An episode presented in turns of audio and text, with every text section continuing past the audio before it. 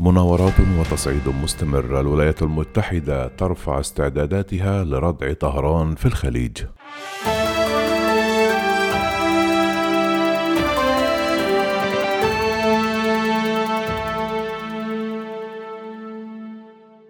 خلال الأيام الماضية تصاعدت التوترات في الخليج العربي مع تصاعد المخاوف بشأن نشوب صراع بين الولايات المتحدة وإيران قبل أيام من مرور الذكرى الأولى لاغتيال قاسم سليماني قائد فيلق القدس في غارة أمريكية في العراق. وقبل ثلاثة أسابيع من تولي الرئيس المنتخب جو بايدن منصبه وفقا لقناة سي إن إن الأمريكية. قال مسؤول أمريكي مطلع على آخر المعلومات الاستخبارية يوم الجمعة أن بعض القوات البحرية الإيرانية في الخليج عززت مستويات استعداداتها في الثمانية وأربعين ساعة الماضية.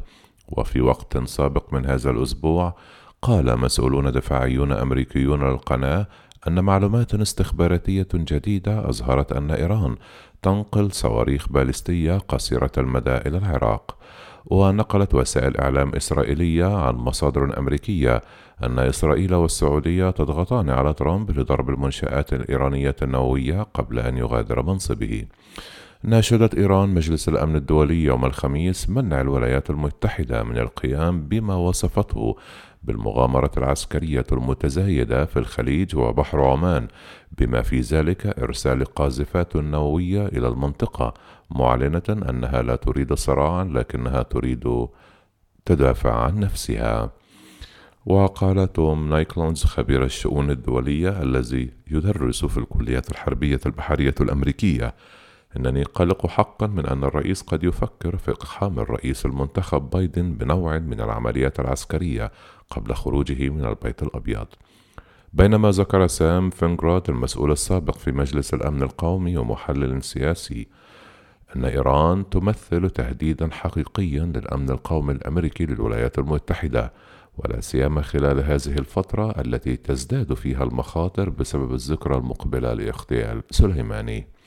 وأكد فينوغراد أعتقد أن إيران ستعمل على ضبط أي هجوم مرتبط بهذه الذكرى لأنهم لا يريدون أن يحاصروا أنفسهم قبل تولي بايدن السلطة واستئناف المفاوضات النووية التي من شأنها أن تؤدي إلى رفع العقوبات. وأشار فينوغراد إلى أن هناك الكثير من قعقعة السيوف المستمرة. ويوم الأربعاء الماضي أعلنت القيادة المركزية الأمريكية تحليق قاذفات بي 52 والتي تعرف باسم ستراتوفورتس في سماء الشرق المتوسط بهدف ردع أي عدوان وأضافت في بيان أن نشر القاذفتين يوجه رسالة واضحة ورادعة إلى كل من ينوي إلحاق الأذى بالأمريكيين أو مصالحهم. وقال قائد القيادة المركزية الأمريكية فرانك ماكنزي أن الولايات المتحدة لا تسعى إلى نزاع ولكن لا يجوز لأحد أن يقلل من القدرات الدفاعية لها. وانطلقت قاذفات القنابل العملاقة من قاعدة مينوت في ولاية نورث داكوتا وهي مهمة الردع الثالثة التي تجري خلال 45 يوما.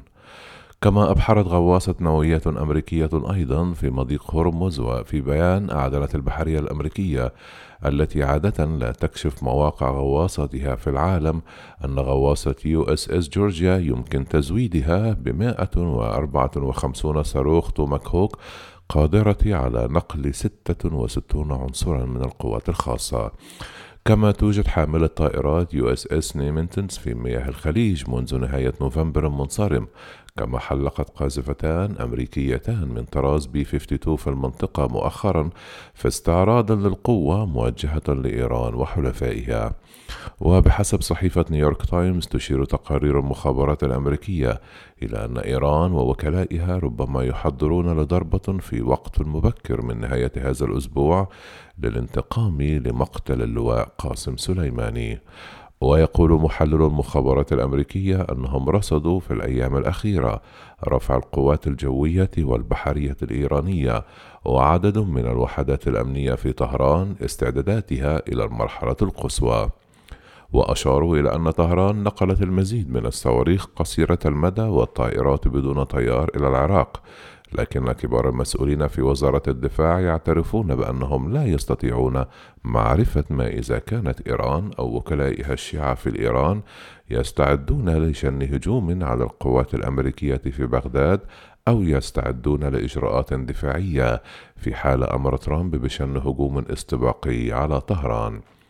وقال بيريت ماغورك المبعوث الخاص السابق لترامب إلى التحالف لهزيمة تنظيم الدولة الإسلامية.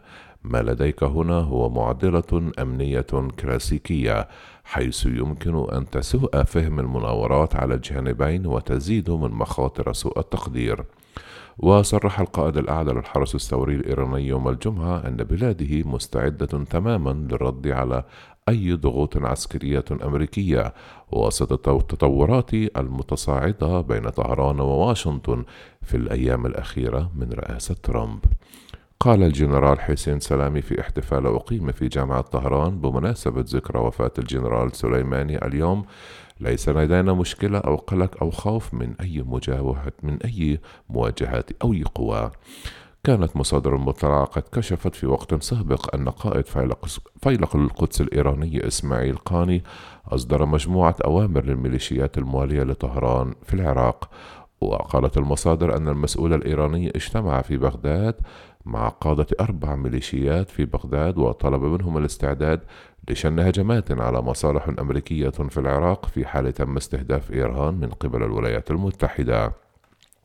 وفي آخر استفزاز من إيران أبلغت وكالة الطاقة الذرية الجمعة أنها تعتزم رفع تخصيم اليورانيوم إلى نسبة نقاء تصل إلى العشرون بالمائة وذلك بحسب مسؤول روسي. وقد وصلت إيران إلى هذه النسبة سابقا قبل عقد الاتفاق النووي في عام 2015 فيما حافظت إيران بعدها على نسبة تخصيب تصل إلى 4.5% فقط. وجهت الولايات المتحدة والعراق تحذيرا إلى إيران والميليشيات التي تدعمهما وتوعد برد سريع على أي هجمات تستهدف الدبلوماسيين أو القوات العسكرية الأمريكية. وذلك وفقا لما نقلت صحيفة وول ستريت جورنال بعد استهداف السفارة الأمريكية بأكثر من 21 صاروخ كاتيوشا منذ أسبوعين أرسل رئيس الوزراء العراقي مصطفى الكاظمي وفدا إلى طهران بحسب ما نقلت الصحيفة عن النائب في البرلمان العراقي عامر الفايز. وحمل الوفد العراقي رسالة حذرت طهران من أن واشنطن ستحمل طهران مسؤولية أي هجوم يستهدف مصالحها وشهدت الآونة الأخيرة تصاعدا في دعوات الميليشيات المدعومة من إيران لممارسة العنف ضد الأمريكيين.